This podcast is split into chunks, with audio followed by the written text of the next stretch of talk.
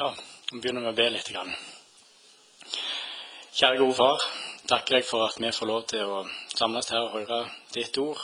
Ber du må være med meg nå som skal snakke, og at du må åpne opp hjertene til oss alle her, så vi kan ta imot eh, ditt ord. Amen. Ja, jeg skal snakke litt om eh, Jobbs bok, som er ei eh, spennende eh, bok i, eh, i, Bibelen som tar for seg en del tema som jeg syns både de er vanskelige, men det er også mye trøst og håp i de.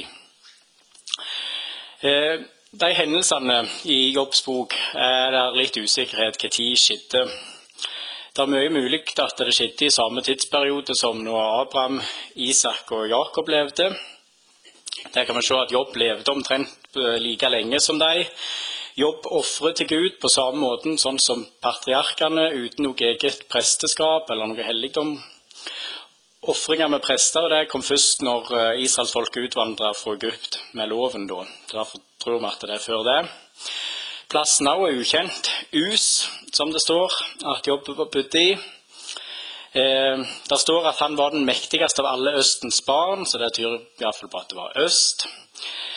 Eh, mange hevder også at Us lå i nærheten av Edom, for det at mange av navnene i Jobbs bok synes å høre hjemme i ettertavlene til Esau, altså edomittenes stamfar. Eh, Jobbs bok er det også mange som tenker er ei eh, poetisk bok, uten at det er noe rot i virkeligheten i de historiene der som fortelles der. Eh, det syns jeg i hvert fall stemmer veldig dårlig med andre utsagn om jobb som vi kan lese i Bibelen. F.eks. i eh, Esekiel, kapittel 14, vers 13-14, så kan vi lese menneskesønn. Menneskesønn, når et land synder mot deg og gjør seg skyldig i troløshet, og jeg rekker ut min hånd mot det og bryter i stykker, stykker brødets stav for det og sender hungersnød over det og utrydder både folk og fe av det, og selv om da disse tre mennene, Noah, Daniel og Jobb, var der i landet, da skulle de ved sin rettferdighet bare kunne berge sitt eget liv, sier Herren, Herren. Altså Her blir han listet opp i lag med tre andre som var levende, virkelige personer. Finner det også i uh, Nytestamentet, i Jakobs brev, kapittel 5, 11. Se, vi priser dem salige som holder ut. Dere har hørt om Jobbs utholdenhet og sett den utgangen Herren ga. For Herren er overmåte barmhjertig og miskunnelig. Så jeg tror i hvert fall at det er liten tvil om at de andre forfatterne i Bibelen viste at Jobb var en virkelig og ekte person. I kapittel 1 i boka så møter vi Jobb som en uklanderlig mann, står der. Eh, på engelsk oversettelse kan vi lese 'perfect man'. Det kommer av det hebraiske ordet 'tam', som betyr å være heil og ha integritet. Eh, og I andre engelske oversettelser finner vi 'blameless', det var altså en mann som eh, levde etter Guds vilje og var rettferdig og god, eh, god mann. Eh, det står vel ingen plass at han faktisk gjorde ei synd som er nevnt direkte. Det står videre at han var en rik mann som hadde stor eiendom. Han hadde flere unger, kone, og var mektigere enn alle Østens barn, står der. Jeg leser fra vers 2 til 3. Han fikk sju sønner og tre døtre. Han eide 7000 sauer og 3000 kameler og 500 par okser og 500 eselhopper. Og han hadde en stor mengde tjenere. Han var mektigere enn alle Østens barn. Og Den rikdommen som viser han hadde her, hadde gjort han til en rik mann sjøl i, i, dag med de verdiene av det som han hadde. Men til tross for dette så var han en oppriktig, perfekt eller skyldfri mann. Rikdommen hans var ikke til hinder for sin rettferdige livsførsel. Vi kan også se at han bryr seg om ungene sine i vers eh, fire og fem, der det står at han vil ofre til Gud for dem. I tilfelle de har gjort noe galt med Gud, så går han og bærer fram ofringer for å gjøre opp for det i tilfelle de har gjort noe, noe de har gjort. Og Det er egentlig det lille vi får vite om jobb før det kommer et uh, sceneskifte i boka, der vi kommer opp i, uh, i den himmelske sfære kan vi lese fra vers 6 til 12. Så hendte det en dag at Guds sønner kom og stilte seg fram for Herren. Og blant dem kom også Satan. Og Herren sa til Satan, Hvor kommer du fra? Satan svarte Herren, Jeg har fartet og flakket omkring på jorden. Da sa Herren til Satan, har du gitt akt på min tjener jobb? For det er ingen på jorden som han, en uklanderlig og rettskaffen mann som frykter Gud og holder seg fra det onde. Men Satan svarte Herren, mon jobb frykter Gud for intet?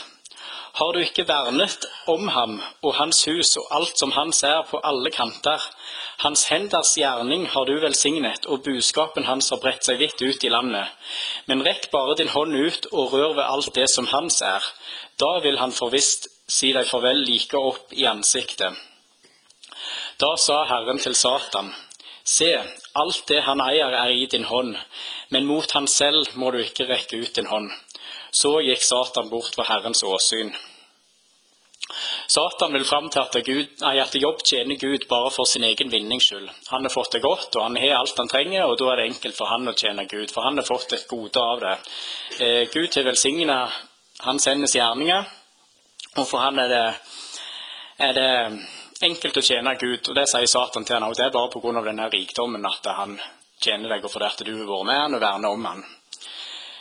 Eh, og Det viktige lærdom her fra Jobbs bok er jo til ære og tjene Gud til tross for ulike situasjoner rundt dere, enten om vi er rike eller fattige, om vi er gammel eller ung, og i glede og i sorge.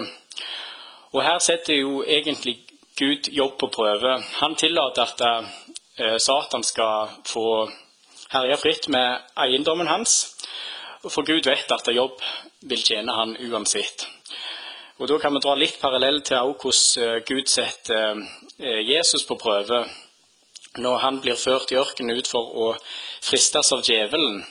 Det var ikke fordi at eh, Gud var i tvil om Jesus ville bli frista, eller om han ville falle i synd, men det var for å gjøre en beviselig handling. At se her setter vi prøve på han her, han er en perfekte mann. Så Litt samme måten gjorde han også med jobb. Han satte han på prøve og fikk vist at dette var en mann som stolte på han i alt uansett. Uh, og den prøven der er jo mer som når du skal ha et uh, folk som produserer produkt, om det er en bil eller hva det er, så setter de dem på en prøve for å teste at alt fungerer. De vet at det virker, men de skal få et sertifikat og en underskrift på at det virker. Og Litt kan vi tenke at Gud har gjort med, med, jobb her. Han skulle bare bevise til djevelen at nei, det er ikke bare pga. rikdommen hans. Vi skal se at han har den kraften til å stole på meg uansett. Så kommer vi videre til når uh, Satan da får ned og virke, så kan vi lese videre i vers 13-20 vers 13-20 i kapittel 1. Oksene og eselhoppene til jobb blir stjålet og tjenesteguttene drept. Ild kom fra himmelen og fortærte småfe og tjenesteguttene og brente dem opp. Kamelene ble tatt og tjenesteguttene drept med sverd. En storm kom og fikk huset til alle barna til jobb og ramlet sammen over dem så de døde. På et blunk her, på et lite øyeblikk, så endrer hele livet til jobb seg. Fra å være et liv i overflod med stor rikdom, han hadde stor eiendom, til plutselig så sitter han igjen med ingenting og har mista sjøl ungene sine. Det snudde seg på et lite øyeblikk for han. Eh, han hadde samla seg en stor rikdom og hadde mye å ha, eh, men alt det var forgjengelig til noe som lett kan forsvinne. Leser i Matteusevangeliet kapittel 6 vers 19 så står det samle dere ikke skatter på jorden, hvor møll og rust hærer og hvor tyver bryter inn og stjeler. Det er ikke det som er de store verdiene i, eh, i livet vårt. Det er fort forgjengelig, for vi har både en stor formue med hus, bil, hytte, aksje eller penger. Så kan både brann, børskrakk og krig og ulykke og andre ting gjøre det nesten verdiløst over natta. Det er ikke der som vi skal ha vår store verdi. Når alt dette her skjedd, så er det et forbilledlig svar som Jobb kommer med, som vi kan lese i vers 21, der han sier Naken kom jeg ifra min mors liv, og naken skal jeg vende tilbake. Herren ga, og Herren tok. Herrens navn være lovet. Så videre i vers 22. Under alt dette syndet ikke Jobb. Han lastet ikke Gud for det som hadde hendt han. Han eh, klarte å holde seg ren her. Han hadde en gud som han stolte på sjøl når alt dette ramma han. Så sto han som en rakrygga, mann. Han visste det at det var ikke alt det jordiske som var det, var det viktigste for han. Og Det leser vi også flere plasser i, eh, i, eh, i Bibelen. Får litt hint til det fra forkynneren, som sier dette i kapittel 2, vers 10-11. Alt øynene mine hadde lyst til, lot jeg dem få. Jeg nektet ikke mitt hjerte noen glede. Hjertet hadde glede av alt mitt strev. Dette var det jeg hadde igjen for mitt strev. Men når jeg så på alt det som mine hender hadde gjort, og på den plage det hadde kostet meg, da så jeg at alt sammen var tomhet og jag etter vind. Det er ikke noen vinning å nå under solen. Dette er jo Salomo som skriver, som var en uh, rik konge. Men selv når han hadde fått alt det, når han så det i et litt fugleperspektiv, så så han at det er ikke dette som er det, det viktige. I den boka kan vi se noe som peker fram mot noe som er enda viktigere. Og det får vi i, uh, i Nytestamentet. Så kan vi lese det i Filipperbrevet om hvordan vi skal verdsette ulike ting kapittel 3 og vers 7-11. Men det som var en vinning for meg, det har jeg for Kristi skyld aktet som tap. Ja, jeg akter i sannhet alt for tap, fordi kunnskapen om Kristus Jesus, min Herre, er så mye mer verd. For Hans skyld har jeg tapt alt. Jeg akter det for skrap, for at jeg kan vinne Kristus og bli funnet i ham. Ikke med min egen rettferdighet, den som er av loven, men med den jeg får ved troen på Kristus, rettferdigheten av Gud på grunn av troen, så jeg kan få kjenne ham og kraften av hans oppstandelse og samfunnet med hans lidelse, idet jeg blir gjort lik med ham i hans død, om jeg bare kunne nå fram til oppstandelsen fra de døde. Altså, vi har ei tru på, på Kristus og et liv som er mye mer verdt enn alt det vi kan få her nede på jorda. Det hadde jobb sitt. Det skrev tar i eh, Filipperbrevet. Og det var litt det samme som Salomo også var innom i Forkynnerbrevet. Men hvordan takler vi den motgangen, og hva gjør vi når livet blir tøft og vonde ting skjer? C.S. Lewis han spurte disse spørsmålene. Why should the righteous suffer? Sånn, Why not? They're the only ones who can handle it. Altså, Vi har en som vi kan få venne oss til i all lidelsen eh, og det vi får. Jobb hadde Gud i sitt hjerte og stolte helt og fullt på han. Og Det er flere med eksempel i, i, Bibelen med folk som opplever motgang, men som holder seg standhaftige til Gud for det. Med et eksempel som jeg liker å dra fram, og det er Josef, som ble tatt til Egypt når han ble solgt som slave. Først ble han tatt av brønn, nei, brødrene sine, for de var misunnelige på han. De kastet han i en eh, brønn og egentlig tenkte at han skal skal dø der. Men så selger de han videre som slave. Livet hans òg fikk en brå snuoperasjon der, ifra han har vært en favorittunge til, til, faren, til å bli solgt som slave til Egypt. Videre så vet vi jo at han får det greit det som slave hos Potifar. Han blir satt til å styre hele huset. Men nok en gang så blir han uh, urettferdig beskyldt for å ha forgrepet seg på kona hans og blir da satt i fengsel. Og Skuffelsene hans er ikke over der.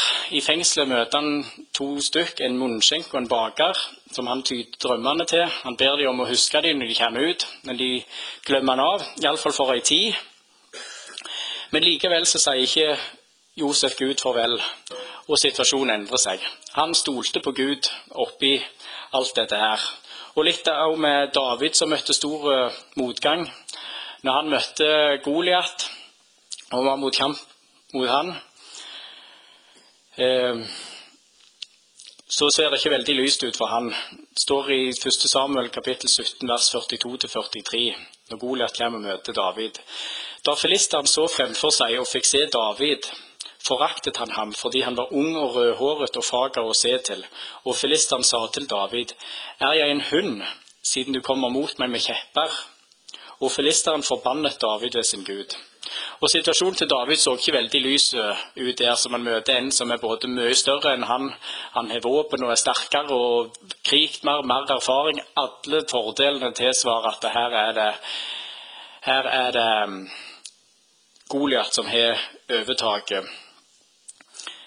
Men David beholder motet sitt fordi han vet han har Gud med seg. I kapittel 17 vers 45 kan vi lese David svarte filisteren. Du kommer mot meg med sverd og lanse og kastespyd. Men jeg kommer mot deg i Herrens, herskarenes Guds navn, Han som er Gud for Israels fylkinger, han som du har hånet. Han visste han hadde Gud med seg, og da torde han å møte den motgangen som han hadde fått. Og Eksempel på folk som får situasjonen sin snudd på hodet, kan vi finne eksempel på i dag òg. Og vi sikkert eh, opplevd alle sammen her òg, at eh, fra tid til annen så har livet sine oppturer og nedturer. Og i de nedturene så er det viktig at vi finner til, til Gud. Og Jeg har lyst til å dele litt fra en bok som jeg fikk til jul, om en Bob Fu, som eh, er fra Kina, og ble en kristen der, og begynte å vitne om eh, Jesus til kineserne. Eh, han var en flink student. Han startet et stort arbeid for å nå det kinesiske folk med evangeliet. Mens en dag så ble han tatt til fange av det kinesiske politiet. Han ble sett i et dårlig fengsel og fikk situasjonen sin snudd på hodet på veldig kort tid. Men til tross for dette så opplever han at Gud fortsatt er med han. Han sitter i fengselet der eh, og har blitt dårlig behandla, sånn, men så kommer det inn en ny eh, fange. Og han får en helt annen behandling enn eh, han Bob fikk.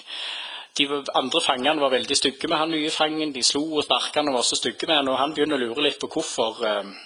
Hvorfor skjedde ikke det med meg når jeg kom inn? Skal jeg bare lese litt ifra denne boka her.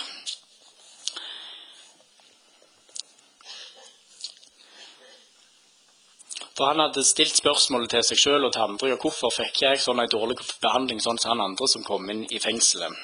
står det. Tankene mine ble avbrutt da jeg kjente en hånd på armen min. Jeg skal fortelle deg sannheten, sa den andre fangen lavt.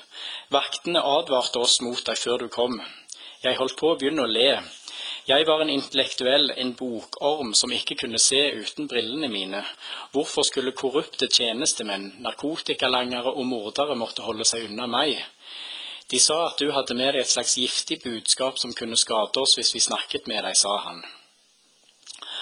De hadde fått hørt at han var kristen, og det gjorde at de ikke tålte, tålte um, behandle han på, på den måten. For, for, Gud hadde satt opp en, et vern for han sjøl i fengselet.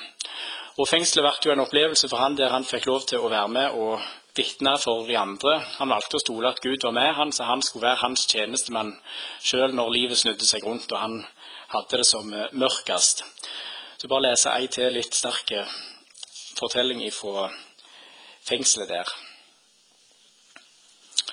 De ble jo dårlig behandla, de så bare på noe eh, murgulv omtrent og fikk, fikk lite mat. De ble mishandla osv.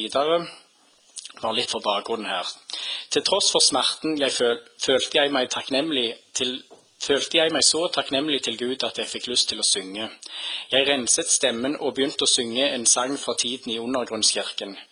Syng takk fra ditt hjertes dyp, mumlet jeg og fikk alle til å rykke til og se på meg et øyeblikk.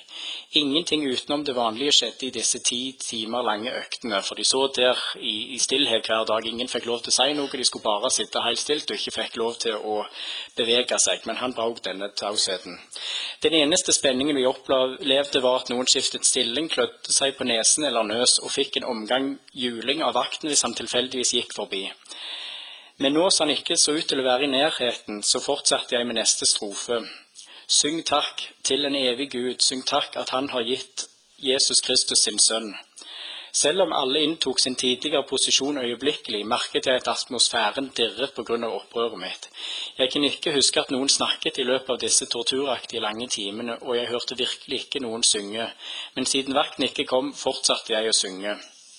Og nå er du svak, si, jeg er sterk. Er du fattig, jeg er rik. På grunn av det som Gud har gjort for oss, syng takk.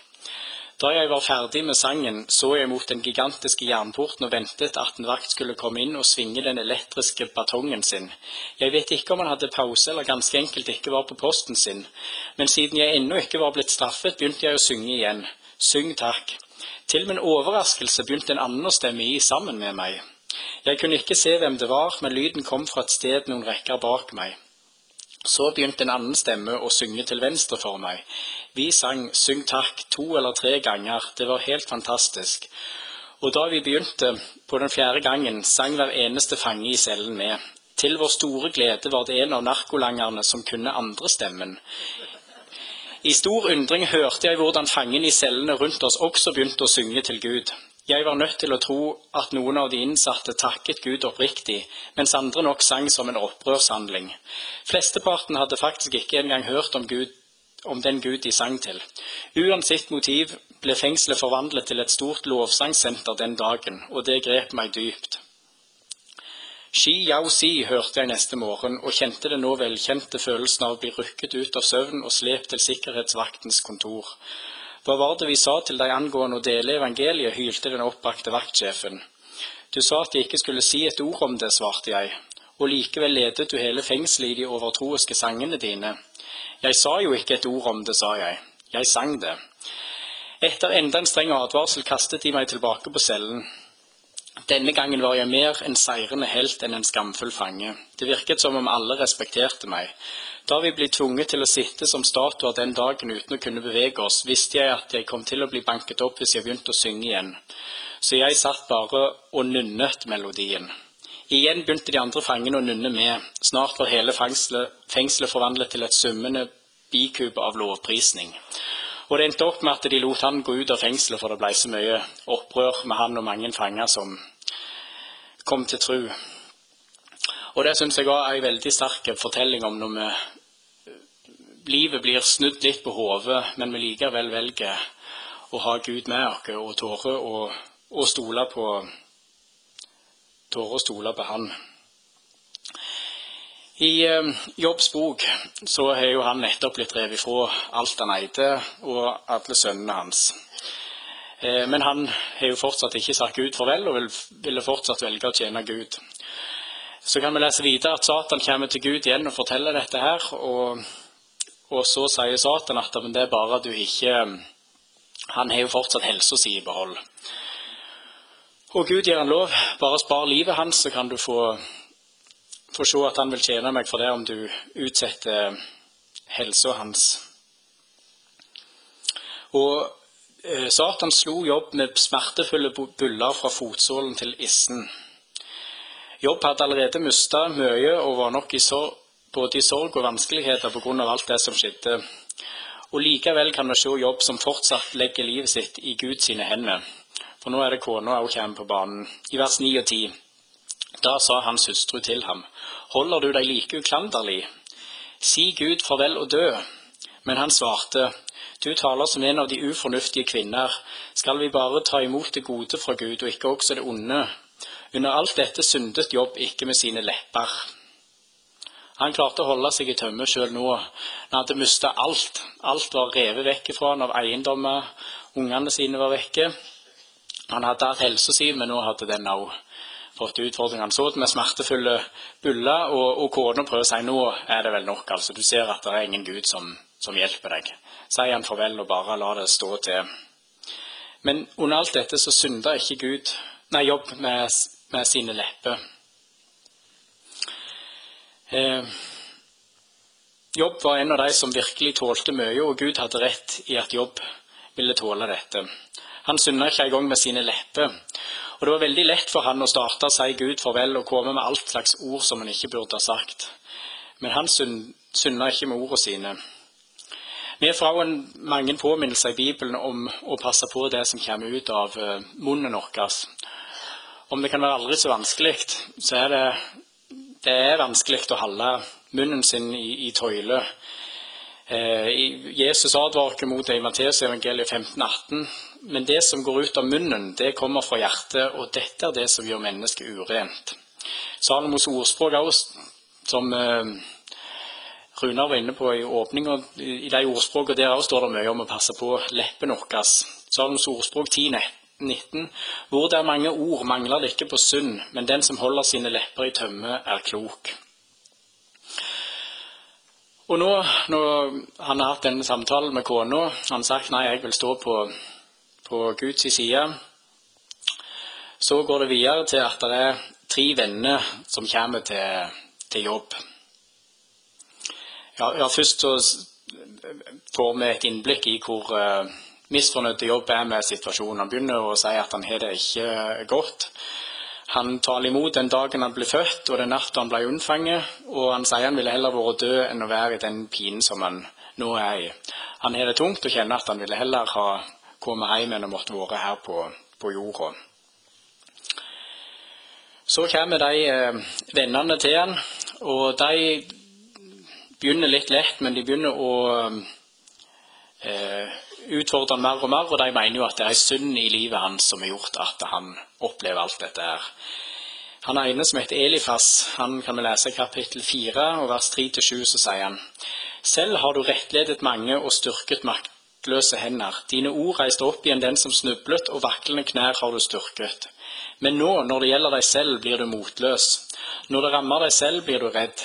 Er ikke din gudsfrykt din tillit, din redelige ferd ditt håp? Tenk etter.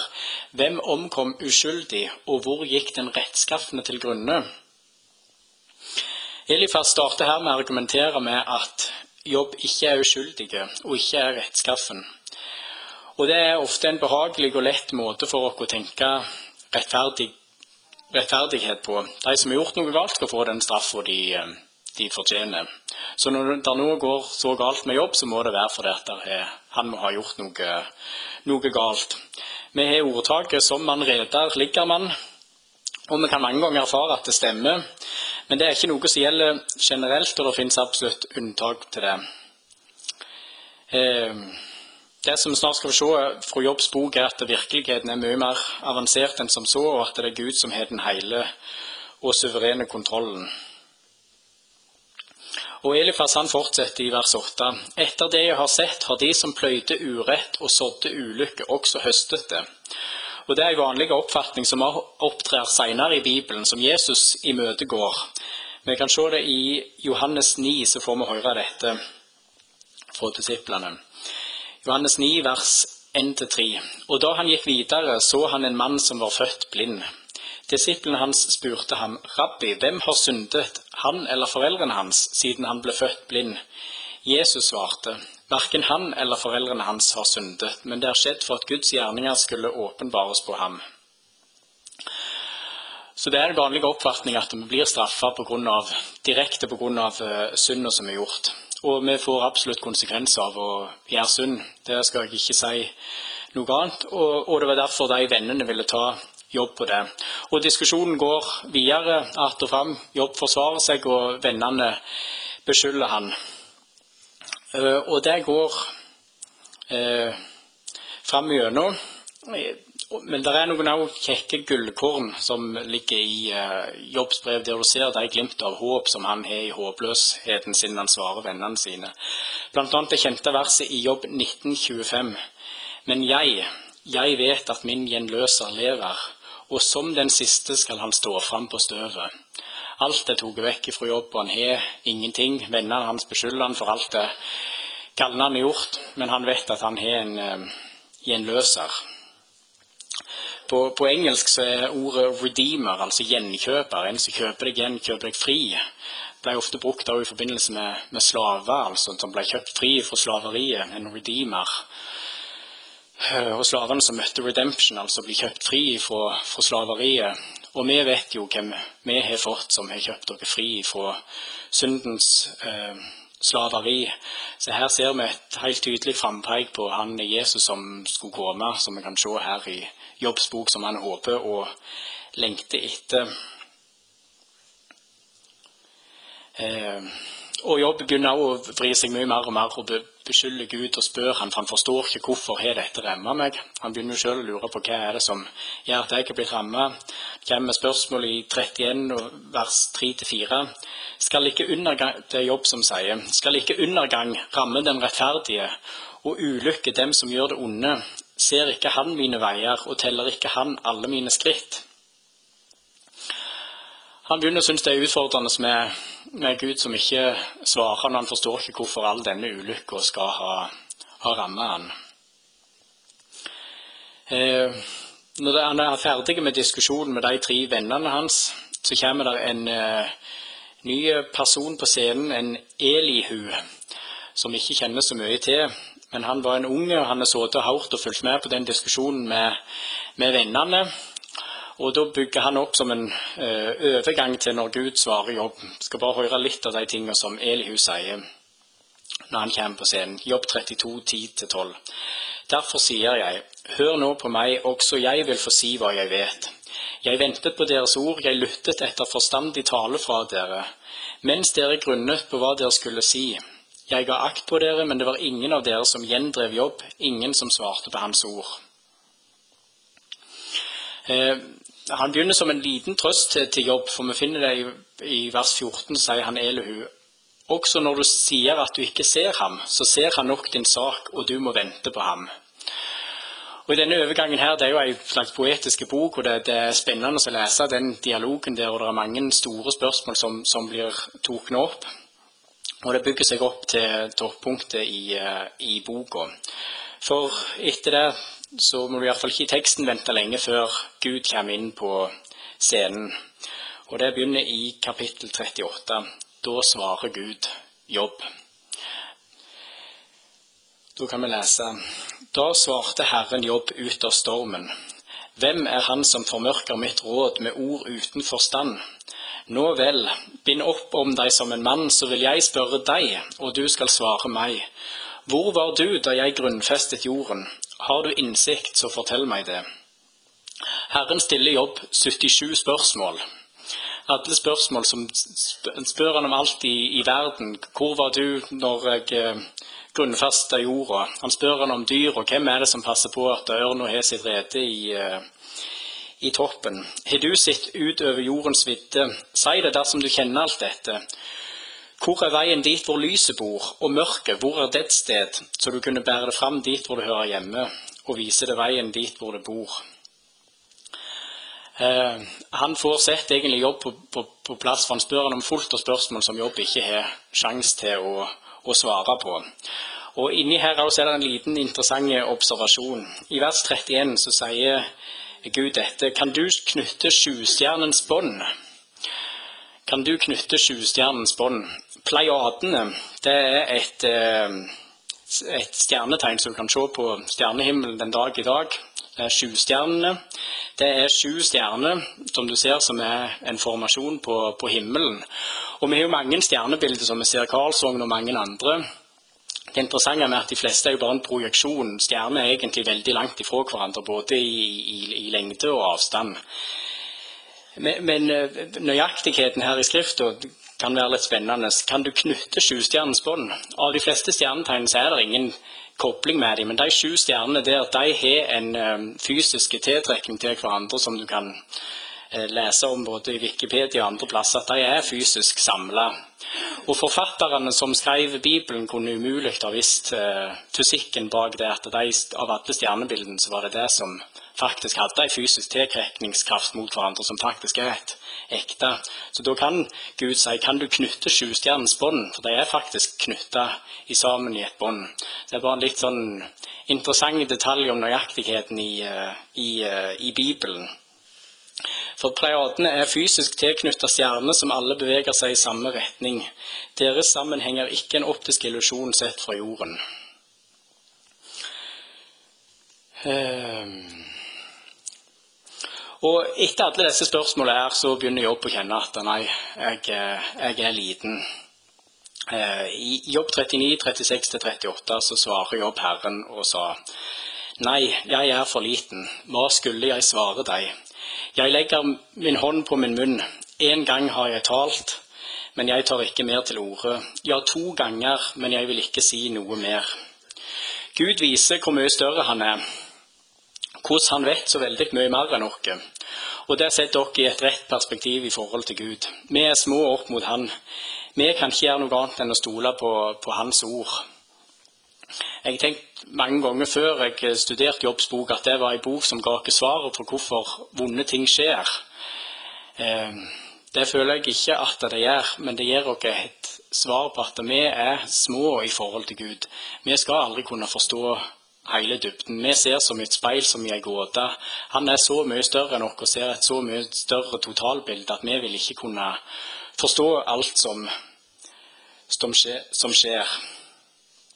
Ehm, etter jobb besvart Gud, så fortsetter vi noen uh, mer spørsmål, og til slutt så svarer Jobb dette. Jeg vet at du kan alt, og at ingen plan er umulig å gjennomføre for deg. Hvem er den som vil formørke ditt råd til uforstand? Derfor må jeg nå si, jeg har talt om det jeg ikke forsto, om det som var underlig for meg, og som jeg ikke skjønte. Men hør nå, så vil jeg tale. Jeg vil spørre deg, og du skal lære meg. Bare det ryktet meldte, hadde jeg hørt om deg. Men nå har mitt øye sett deg, derfor kaller jeg alt tilbake og angrer i støv og aske. Eh, etter dette så sier også Herren at de tre vennene til jobb de er talt ille og ikke riktig, sånn som de hevder. Og han sier også at jobb må, må be for dem. Så kommer det videre. Og Herren gjorde ende på Jobbs ulykke da han ba for sine venner. Og Herren økte alt det Jobb hadde eid, til det dobbelte. Jobb får igjen dobbelt av alt det han hadde fra før. Eh, så skal vi bare lese litt.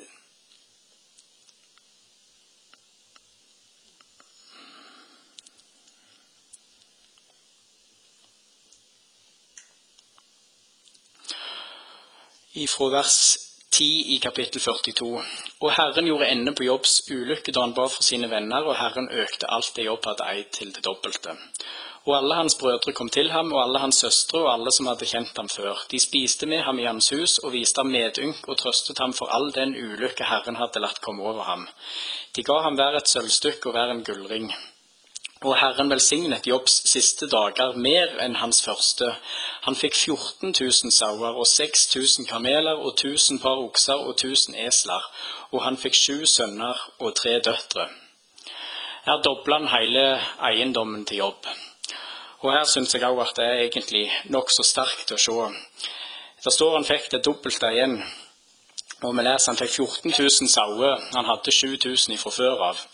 Men han hadde sju sønner fra før av og tre døtre, og han får igjen sju sønner og tre døtre, som i utgangspunktet tenker det var gjerne ikke det dobbelte.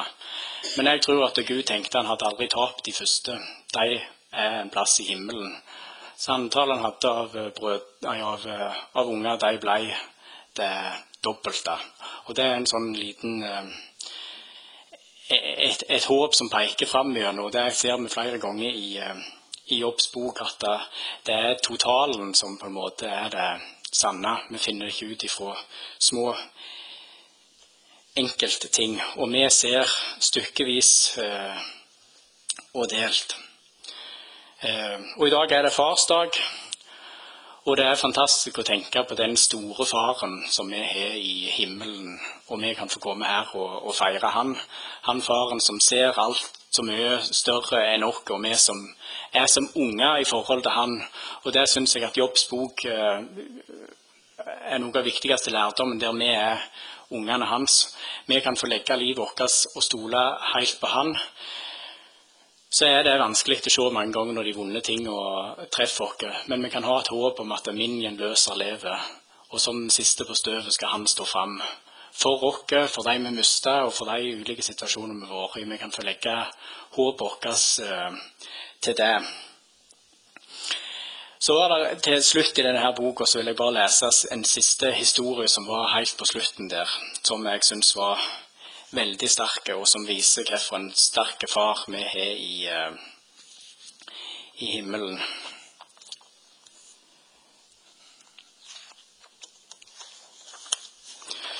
så skriver han dette her. Noen ganger spør folk meg hvordan jeg klarte å leve uten å bli lammet av frykt, særlig med tanke på noen av de rustne opplevelsene jeg har hatt.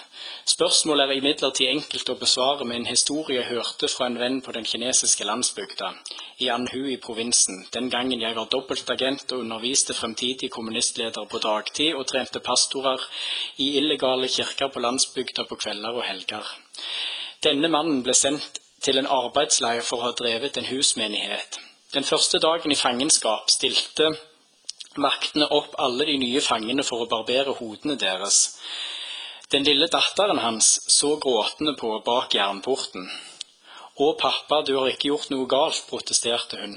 Selv om du blir løslatt, kommer folk til å se det barberte hodet ditt og tro at du er en kriminell. Husk hva Bibelen sier, sa han med mild stemme. Gud har talt hvert hår vi har på hodet. Uten hans tillatelse kan ikke et eneste ett av dem falle til jorden. Da han stilte seg tilbake i rekken og godtok sin skjebne, presset datteren ansiktet mot de kalde sprinklene i porten. Men da det ble mannens tur til å barberes, sviktet hårklippemaskinen. Vakten undersøkte irritert maskinen, fant ut at den virket og prøvde igjen. Jeg har et problem, sa han til den andre vakten, for da han plasserte klippemaskinen på hodet til mannen, sluttet den igjen å virke. Den andre vakten gikk sint bort til vennen min, plasserte sin klippemaskin på hodet hans og trykket på knappen. Ingen reaksjon. Vaktene begynte å bli stresset, siden det nå virket som om begge klippemaskinene var ute av drift mens de hadde en lang rekke med fanger igjen å klippe. Til slutt sendte de ham bort mens de mumlet noe om at det måtte være noe galt med håret hans. Idet han gikk ut av rekken, begynte maskinen å virke igjen. Faren fanget datterens blikk og smilte. Ikke ett eneste av hårene hans hadde falt til jorden. Skal vi bare be litt til slutt. Kjære gode himmelske Far. Vi står i, i, undring til deg. Takk for at vi kan få komme til deg i alle situasjoner. Både når det går godt, og når det går dårlig. Hjelp oss, far, til å stole på deg. Takk for at du er så mye større enn oss og ser alt så mye mer og bedre enn hva vi klarer å se. Bare legge livet deres i, deres i, i dine hender, far. Vær med oss og pass på både dere som er her, og de som er rundt dere. Amen.